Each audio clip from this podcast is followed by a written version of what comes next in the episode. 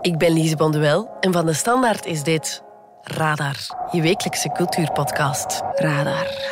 Radar. Radar. Radar.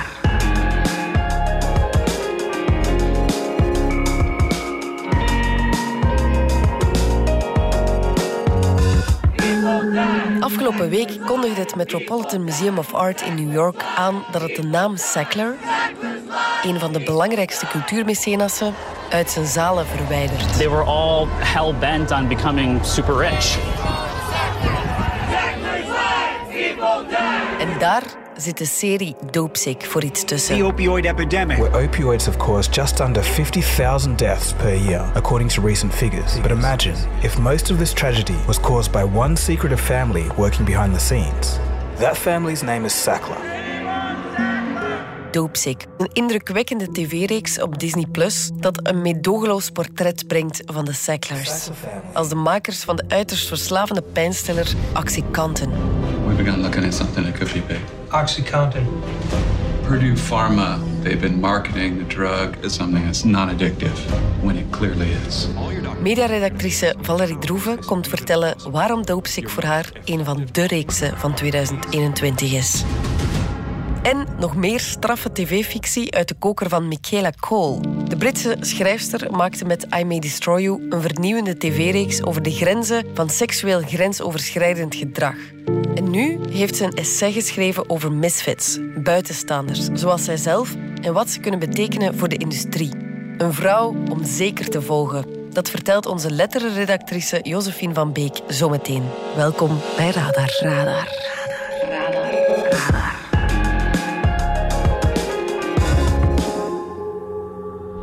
These people, my people, trusted me. I can't believe how many of them are dead now. Foxycontin does what I think it can. We could soon become Purdue's first billion dollar drug, drug, drug. addiction rates, overdoses, and crime are on the rise across the country because of this drug. This is not our fault. These people want to be addicted. It's crucial they understand we've created the greatest painkiller in the history of human civilization. Als er één reeks is die absoluut nog moet zien dit jaar, dan is het Dopesick. Een straffe, chockerende en meeslepende fictiereeks op Disney Plus over de ravage die de verslavende pijnstiller Oxycontin aanrichtte in de VS. I think I can make this the biggest drug in the world. Valerie Droeve, mediaredactrice. Hoe hard is de serie bij jou binnengekomen? Ja, erg hard. Erg hard. Ehm, er zijn verschillende redenen waarom ik graag naar fictie en naar series kijk. Eh, eh, de hoofdreden is omdat die mij de wereld beter eh, doen leren kennen. En eh, in dit geval kan je dat heel, heel erg letterlijk nemen. Want voor wie de reeks nog niet heeft gezien, waar gaat het juist over? De reeks gaat inderdaad over wat je zei in je inleiding. eh, een soort verslavingsepidemie die ontstaan is in Amerika. eh, door een, een pijnstiller, eh, Oxycontin, die geproduceerd werd of wordt door Purdue Pharma. Een farmaceutisch bedrijf dat geleid wordt of eh, werd door de, de Sackler family. Een hele rijke familie die eigenlijk vooral bekend is ook door eh, hun donaties aan vele musea. Wat de reeks zo sterk maakt, is dat ze eigenlijk aantoont hoe dat een systeem dat gemismanaged is, heel veel mensenlevens kan kosten. En dat is denk ik echt wel het, het chockerendste aan het, aan het hele verhaal. Ja, want zij beweerde eigenlijk dat wat ze op de markt brachten, Oxycontin, dat het niet verslavend was. Oxycontin. Purdue Pharma, they've been marketing the drug as something that's non-addictive when it clearly is. Ja, dus, dus de Sacklers, Purdue Pharma, ehm, heeft heel veel geld in de marketing gestoken van dat product. Ehm, zij zeiden dat het een uniek product was, omdat het op basis van opiaten gemaakt is. Hè. Dus het is familie van heroïne en morfine. Eh, Ja, maar ze- heel verslavend. Heel verslavend, maar zij hebben het inderdaad in de markt gezet als niet verslavend. Minder dan 1% of 1% van de mensen zouden er verslaafd aan worden. All your doctors are going to be asking, how is this even possible? Your most effective talking point are these magic words. Less than 1%. Less than 1%. Less than one. Less than one. They told me that less than 1% Waardoor dokters dat en masse zijn beginnen uitschrijven. Aanvankelijk voor echt zware letsels en waar veel pijn mee gemoeid was. Maar uiteindelijk werd het ook in Amerika voorgeschreven voor hoofdpijn of voor tandpijn, voor, voor kleine kwaaltjes eigenlijk. Terwijl dan al snel blijkt dat het wel verslavend is en dat mensen die bijvoorbeeld een rugoperatie hadden, verslaafd raken na vier weken aan het middel. En ehm, ja, dat heeft echt een epidemie uh, veroorzaakt in de VS. Hè. Heel veel mensen zijn daar aan ten onder gegaan. En dat toont de reeks eigenlijk heel mooi aan. Dus uh, de reeks komt zo binnen omdat hij, omdat hij de waarheid eigenlijk blootlegt op een zeer menselijke en zeer genuanceerde manier. Hè. Heel veel van dit soort, wat ik journalistieke fictie noem, um, focust vaak op de slachtoffers. Maar in dit geval krijg je ook die bovenlaag te zien. Hoe, hoe, hoe hebben de Sacklers gedacht? Welke dynamiek speelde daar in die familie? Dat die mensen zo cynisch en zo onethische beslissingen konden nemen. Uh, en dat vind ik er mooi aan, dat, dat, dat alle levels en alle nuances in, in dit verhaal zitten. Ja, wat ik er vooral heel straf aan vind, is dat, uh, is dat het echt blootlegt wat een ingenieus marketingplan daarachter zat. Ja, ze hebben heel veel onwaarheden, leugens kunnen verkopen als waarheid. Bijvoorbeeld verslavend, dat ja. er 1% verslaafd zou worden, was een uit de lucht gegrepen leugen. Maar ook eh, de manier waarop ze eigenlijk de ziekenhuizen, de dokterskabinetten konden binnendringen en, en eh, in de plaats van een, in te gaan op een afzetmarkt, hebben ze een soort van nieuwe afzetmarkt gecreëerd. Ze, ze zijn ervan uitgegaan dat mensen geen pijn meer moeten lijden. En pijn hebben ze in de markt gezet als iets wat heel gemakkelijk te bestrijden zou kunnen zijn als iedereen Oxycontin gebruikt. Zie je, ze creëren eerst een nood die er misschien niet per se al was. Maar daar hebben ze dokters van overtuigd, daar hebben ze ziekenhuizen van overtuigd, daar hebben ze wetenschappers van overtuigd. Uh, en die boodschap hebben ze uitgedragen op een zeer, zeer cynische manier. een heel klein voorbeeld. Op een gegeven moment begonnen de dokters te merken dat de mensen, als ze ermee stopten, zich begonnen te gedragen alsof ze verslaafd waren. En dan creëerden ze daar een uitleg voor. Nee, dat lijken maar verslavingsverschijnselen, maar eigenlijk wil het zeggen dat de, de patiënt nog te veel pijn heeft. Het enige wat je kan doen is de dosis verhogen. Ze beginnen met pillen op de markt te brengen van 10 milligram of 20 milligram en ze eindigen met een pil van 160 milligram. Ja, mij deed de reeks ook wel denken aan uh, de film Dark Waters over het milieuverontreinigingsschandaal rond uh, Dupont. Ja, ik legde eigenlijk de, dezelfde vergelijking. Zoals ik daar juist al, al zei, um, ik zie dit als een soort van uh, journalistieke vorm van fictie, journalistieke fictie. En dat, dat, is inderdaad exact hetzelfde als in Dark Waters, wat een film is. Dark Waters gaat iets minder in op het bedrijf en waarom, waarom het bedrijf deed eh, wat zij gedaan hebben. Dat was echt vanuit het standpunt van de slachtoffers en de, degene die het aangevallen heeft. Waar, waar Dopesick eigenlijk, eigenlijk nog veel breder in gaat, is zowel die bovenlaag, de Sackler family, hè, uh, en hoe zij gedacht hebben en hoe, hoe echt die dingen door hun marketingafdeling tot bij de sales kwamen, tot bij de dokters, tot bij de mensen. Dark Waters gaat nog meer uit van het cliché dat er één reddende engel is die het systeem aanvalt en die erin slaagt om, om het uh, recht te zetten.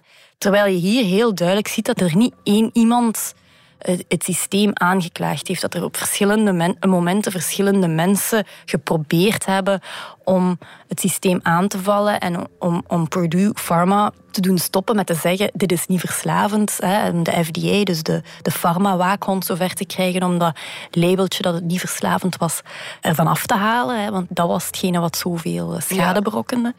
En dat vind ik er mooi aan, dat het zo, dat, dat het zo niet een heldentocht is. Het is net heel, heel genuanceerd. Dus de reeks eh, brengt geen nieuws uit, legt geen nieuwe feiten bloot. Hij is gebaseerd ook op een non-fictieboek dat al bestond. Maar net zoals bij Dark Waters, ja, snap je pas echt goed welke impact het heeft op welke levens, op welke manier. Het is heel genuanceerd. Je, het is meeslepend. Je bent gewoon helemaal mee. Dat vind ik echt de kracht van fictie. Van dit soort fictie. Ja, ja, ja. ja, het is fictie, maar ze hebben wel grondig hun research gedaan. Uh, de, de, reeks is gebaseerd op een non-fictieboek van een New York Times-journaliste Beb Macy, die zich hier echt in verdiept heeft. Ja. Als je gaat opzoeken bijvoorbeeld of bepaalde dingen effectief gebeurd zijn, zoals die in de reeks, uh, lijkt het echt heel, heel dicht op de werkelijkheid te ja. blijven zitten. Ja. En wat een uh, geloofwaardige rol ook voor Michael Keaton. Ja, Michael Keaton speelt Dr. Phoenix. These people, my people, trusted me. Keaton is echt geweldig. I can't believe how many of them are dead now. Dr. Phoenix, dat is een huisdokter in, in de Appalachen, in een klein dorpje in de Appalachen. Uh, dat is een, um, ja, een bergachtig gebied waar heel veel aan mijnbouw gedaan wordt. Um, dus heel veel van zijn patiënten zijn werklui, werkmannen die in de mijn uh, heel zwaar werk doen. Hè, vaak ook wel eens vallen of geblesseerd raken. Ja. Die dit middel begint voor te schrijven en zijn gemeenschap helemaal uit elkaar ziet rafelen daardoor. Ja. En hij doet dat ongelooflijk goed. Het is echt uh, prachtig hoe hij die rol op zich neemt, Michael Keaton. Many of my patients are miners. It's dangerous work and they carry the burden of building this nation on their backs. They're pain. These people, my people, trusted me. Dus terwijl de hele reeks eigenlijk gaat over een geneesmiddel, een systeem, um, zijn alle personages die in die reeks rondlopen ook ongelooflijk goed uitgewerkt. Hè. Dus die uh, slachtoffers zijn niet alleen slachtoffers of niet alleen junkies, maar zijn echt personages die ook een een seksuele voorkeur hebben. Die Ja. leven in, in een gemeenschap. Dat is echt heel mooi gedaan. Maar daarbovenop worden ze ook echt, eh, zijn de acteurs echt geweldig. Eh, We hebben juist al Michael Keaton vernoemd, maar ook Caitlin Dever, die we kennen uit de Netflix-reeks Unbelievable, die daar een verkracht meisje speelt. Ehm, speelt hier een, een mijnwerkersdochter die zelf ook de mijnen ingaat en ja, daar ten val komt en het middel moet nemen Ja. Ook ongelooflijk goed uh, geacteerd. Het is echt prachtig hoe die personages gestalte gegeven wordt. Ja. I can't live like this anymore. Ja, het sleept u echt meteen mee. Our community is ground zero for a national catastrophe. De trein vertrekt Purdue will not move unless we punch hard. en je zit erop. ja, en ook Richard Sackler wordt echt afgebeeld als ja, de devil himself bijna. Ja, Michael Stuhlbarg speelt hem en dat is een onwaarschijnlijk goede acteur die dat ook echt in deze reeks bewijst wat hij kan. Uh, hij zat onder meer uh, in Call Me By Your Name. Daar speelde hij de vader uh, van Timothy Chalamet, van Ja. dat personage. Maar hij geeft hier echt een, een ongelooflijke diepte aan.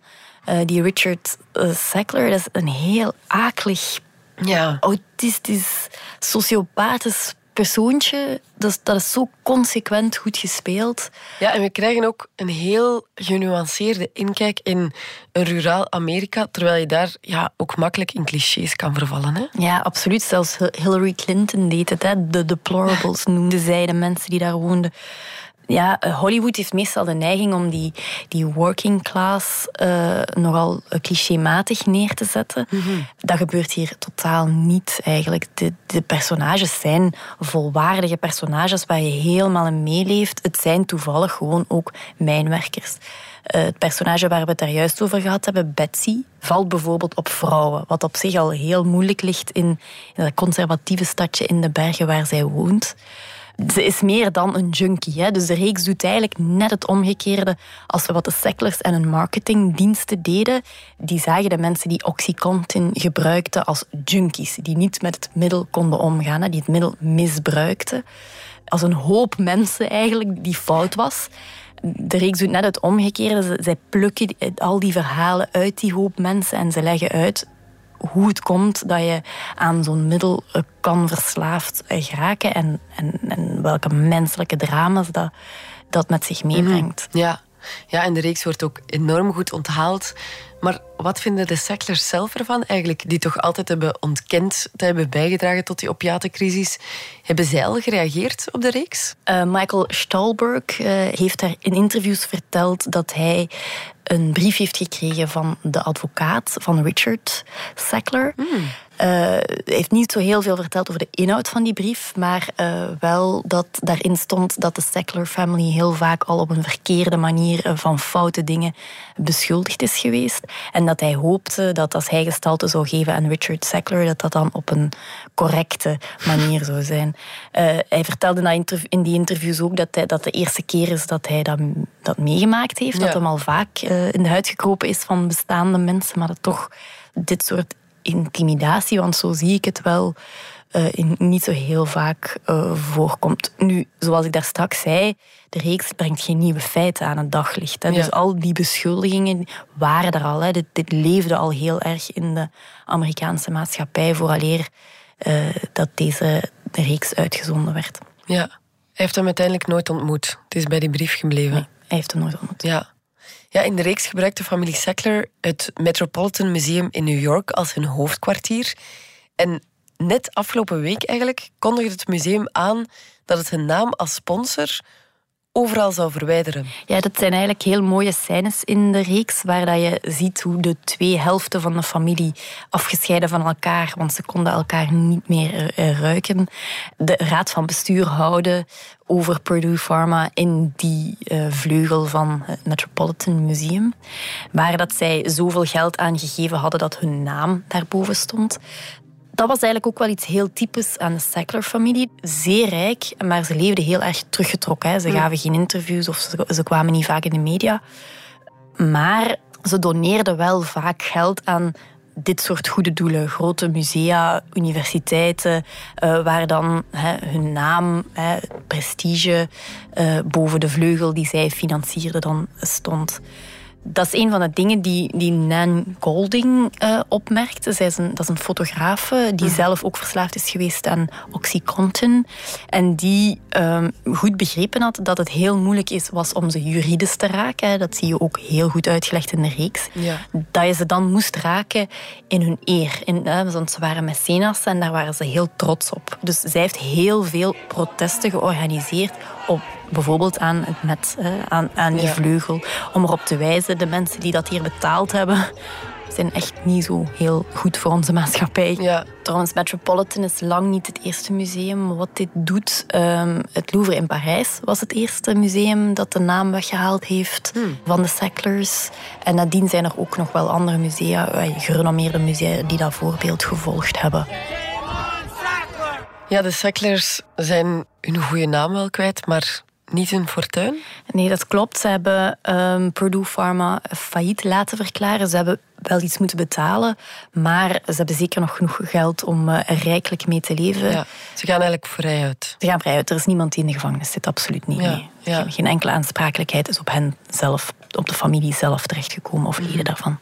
En hoe komt het eigenlijk dat de reeks op Disney Plus te zien is? Een streamingdienst die je ja, toch eerder associeert met Disney-films en de Marvel-franchise? Uh, deze reeks is eigenlijk gemaakt door Hulu. Uh, dat is een Amerikaanse streamingdienst die in handen is van Disney, de Disney Company. En hier in België krijgen wij die dan op Disney Plus te zien in Europa. Uh, Maar dat is inderdaad absoluut zo een van de redenen dat ik deze reeks eigenlijk pas laat opgemerkt heb. Want hij is al zes weken geleden is de eerste aflevering op Disney Plus gekomen. Heeft te maken met het feit dat Disney Plus een, echt een ander soort uh, streamingdienst aan het worden is daardoor. Niet alleen maar Star Wars, niet alleen maar Marvel, niet alleen maar kinderfilms, maar ook echt wel een gedegen um, ja, volwassen fictie uh, gedeelte heeft, uh, dat zeker aan te raden is. Ja, als je de reeks dus wil ontdekken, check Disney Plus. Valerie, dankjewel. Graag gedaan. Radar. Radar. Radar.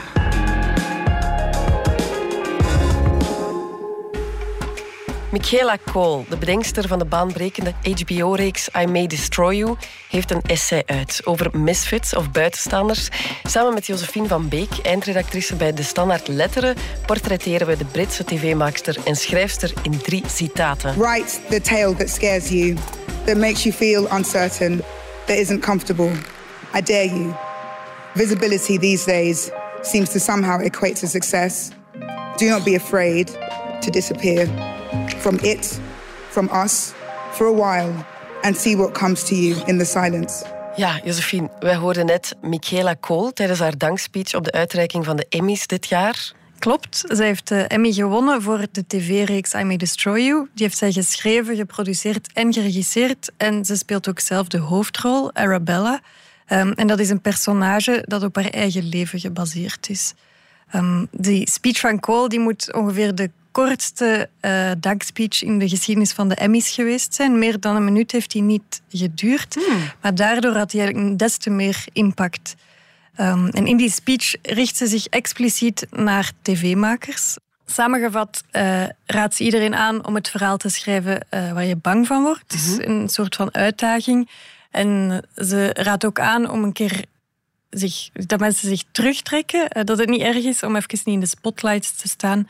Um, maar dat ze even verdwijnen en dan kijken naar wat er in opkomt in de stilte. Ja. Ja, en ook uh, Olivia Colman was echt onder de indruk hè, van haar speech. Ja, Olivia Colman bleek, uh, heeft zich geout als fan van Michaela Cole. Want toen zij een Emmy mocht ophalen voor haar rol als de Queen in uh, The Crown, zei ze aan het einde van haar speech... Michaela Cole, fuck yeah. Fuck yeah. ja, en Cole droeg haar Emmy op aan overlevers van seksueel geweld. Meteen het belangrijkste thema ook van de reeks, waarvoor ze op die Emmys bekroond ja. werd. Het hoofdpersonage uit de reeks Arabella is een schrijfster in Londen met een boekcontract.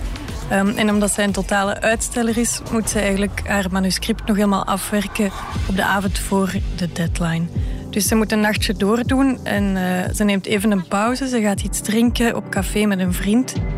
Nadien komt ze terug om haar manuscript af te werken. Maar de volgende dag merkt ze dat er gaten in haar geheugen zitten. I've got this thing in my head. Ze heeft eh, een wonde aan haar hoofd en het scherm van haar gsm is gebroken. En ze heeft geen idee hoe dat komt. En na een tijdje komen er flarden terug en uh, beseft ze dat iemand iets in haar drankje heeft gedaan en dat ze verkracht is. Ja. En dat is ook iets dat Cole zelf overkomen is toen ze aan het schrijven was aan het tweede seizoen van, van haar tv-serie Chewing Gum. En met I May Destroy You heeft ze dus zelf ook het verhaal verteld dat haar bang maakte. Ja. We couldn't pinpoint exactly what it was he did that we felt was so wrong. So yeah, Bob thinks you're crazy. Yeah, he thinks he's the smartest man in the room who knows all things because Bob has observed the detail. We have to start observing Bob. Telling him. We do see the detail. We see you, Bob. And if we see you, it means we are right there with you, tiptoeing in line, right behind you. And in that place, where rules, clarity, law, and separation cease to exist, we will show you exactly what we mean by violation. Dit was een fragment uit I May Destroy You.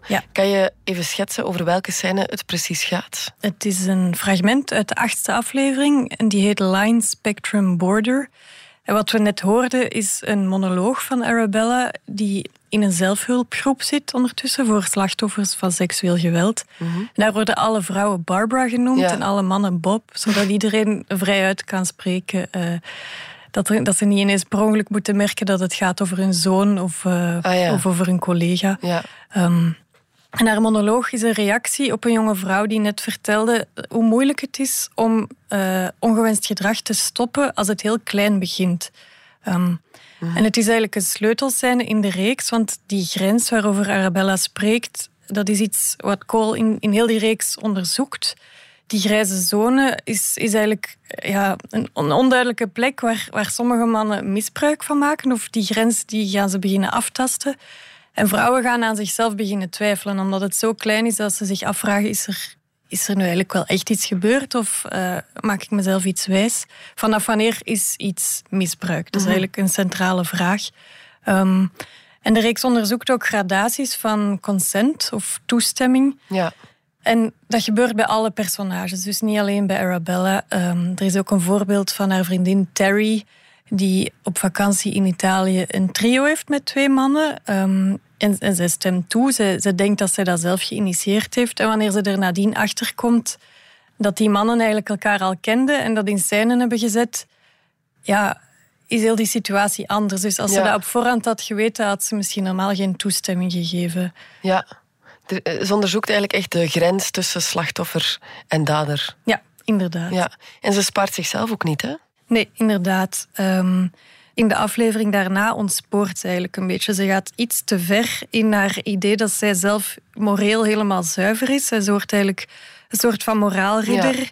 Ze begint ook echt heel harde dingen te zeggen tegen haar vrienden die op hun manier ook slachtoffer zijn, maar dat ziet zij niet. Ze ziet zichzelf als het enige ware slachtoffer hij gaat daar echt te ver in. Ja. Mediacollega Valerie Droeven, die je net hoorde, um, schreef het ook in haar recensie. Uh, zij vergeleek het hoofdpersonage eigenlijk met het hoofdpersonage uit Girls van Lina Dunham.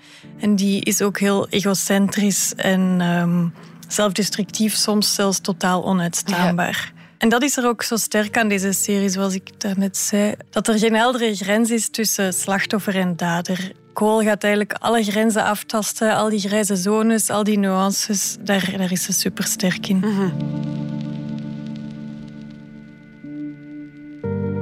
Waarom geven we misfits een podium en prijzen we hen aan als belangrijke nieuwe stemmen, terwijl ze nog steeds op die wankele ladders moeten balanceren met weinig kans op sociale mobiliteit?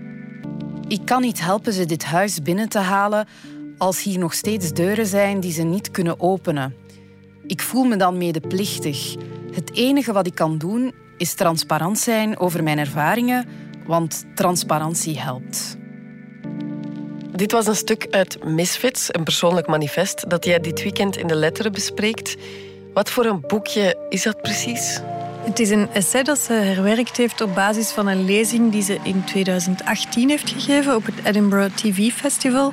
Um, en dat is de zogenaamde McTaggart Lecture, een heel prestigieuze lezing.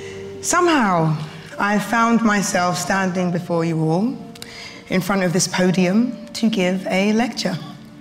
Ex-boyfriends have accused me of giving these. Universities have accused me of never attending them. Een uh, speech van een uur die doorgaans enkel wordt gehouden door veteranen uit de entertainmentsector. Mm Rupert Murdoch heeft erin gegeven, Kevin Spacey, voordat hij in opspraak kwam. En Cole was nog maar de vijfde vrouw die het mocht doen. Hmm. Ze was ook de allereerste zwarte persoon. En ze was toen dertig en daarmee was ze de jongste ooit. I am so, so very glad for this opportunity. This platform and for the urgency it's instilled in me to learn. But I am really nervous. Ze had al uh, BAFTA's gewonnen, de meest prestigieuze Britse tv-prijzen voor haar serie Chewing Gum. Maar ze was uiteindelijk nog relatief onbekend toen ze die speech mocht geven. Ja. Misfit. The term misfits takes on dual notions. A misfit is one who looks at life differently. Many, however, are made into misfits because life looks at them differently. The UK's black, Asian, and ginger communities, for example. and there are many other examples. In die speech, die dus nu het essay Misfits is geworden, vertelt ze hoe het voelt om als outsider in die tv-wereld vol insiders terecht te komen. Ja. En het is een, een dun boekje maar, maar ze snijdt er grote onderwerpen in aan. Ze heeft het over armoede, racisme, uitsluiting.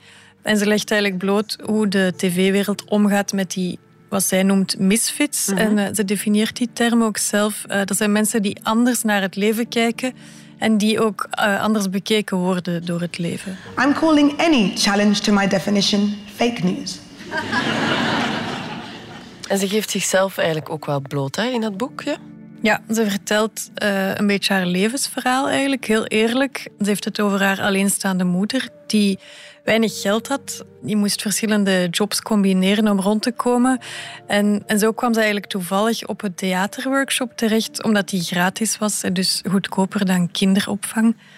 Daar was zij de enige zwarte. Op school was ze ook het enige zwarte meisje in de klas. Daar werd ze gepest. En dan was ze ook weer uh, sinds lang de eerste zwarte die op de theaterschool is toegelaten. Dus dat is een beetje de rode draad door haar leven, dat ze een, een misfit is. Ja.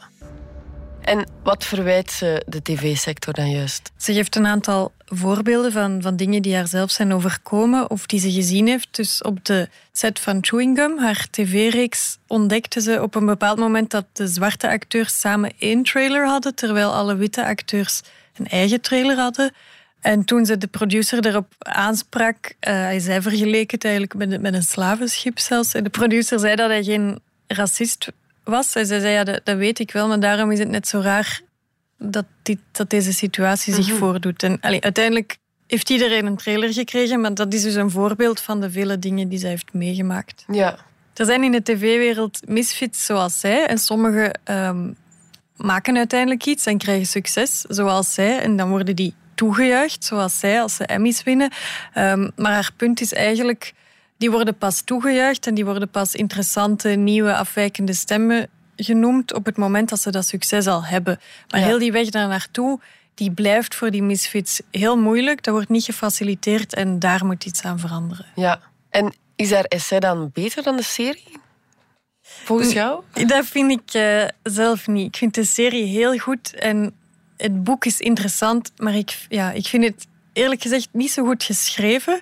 Maar inhoudelijk is het boek wel heel belangrijk. Ik denk dat veel mensen er iets aan kunnen hebben. Mensen die zichzelf buitenstaander voelen, mensen die zelf eh, ambities hebben, die zien hierin wel een voorbeeld dat het absoluut mogelijk is om wel iets te doen in de creatieve eh, industrie. Dus ik denk dat het een belangrijk boek is. Ja, als je het wil lezen, eh, Misfits van Michaela Cole is uit bij de Geus. I May Destroy You is te zien via streams. Josephine, dankjewel. Heel graag gedaan. En hier staat nog een man voor je klaar met een fantastische cultuurtip. Onze chef cultuur van de Standaard, Filip van Ongevallen. De suggestie van de chef. Wel, nu buitenactiviteiten weer aangeraden worden, heb ik eh, een kleine 15 kilometer wandelplezier voor jullie. En nu ga je misschien zeggen, wandelplezier, is dat ook al cultuur? Maar ja, het is toch wel een beetje cultuur, want eh, ik zou willen drie wandelingen aanraden van de Nationale Vereniging voor Nutteloze Borden van eh, Camille de Bruyne. Camille de Bruyne is de man die ooit Sorry voor Alles bedacht voor één en daar ook een prijs mee gewonnen heeft. Hij was toen zelfs nog stagiair of student, denk ik, toen hij met dat idee eh, aankwam. Die ondertussen in drie steden al bordjes heeft opgehangen. De eerste was in Ninove in juli. Dan volgde Hoogstraten en eh, afgelopen zaterdag is ook Ieper gevolgd. Ehm, in Ninove is het 3 kilometer, in Hoogstraten 6,5 kilometer en in Ieper eh, is het 5 kilometer. Nu zult u zich misschien afvragen, die nutteloze bordjes, wat is dat? Wel, dus Camille de Bruyne, toen dat hij in de lockdown zich wat verveelde, ging hij de straat op en hij ging wandelen en hij kleefde eh, op sommige plaatsen dan een bordje. En op een gegeven moment kreeg hij het idee om daar eh, een parcours door een stad mee te maken. En de eerste die dat dan deed was Ninove en daar heeft hij dan dat parcours in juli eh, ingehuldigd. En dat is eigenlijk heel leuk om zo'n eh, parcours te volgen. Want als je naar die bordjes begint te zoeken, eh, je zoekt dus naar iets klein.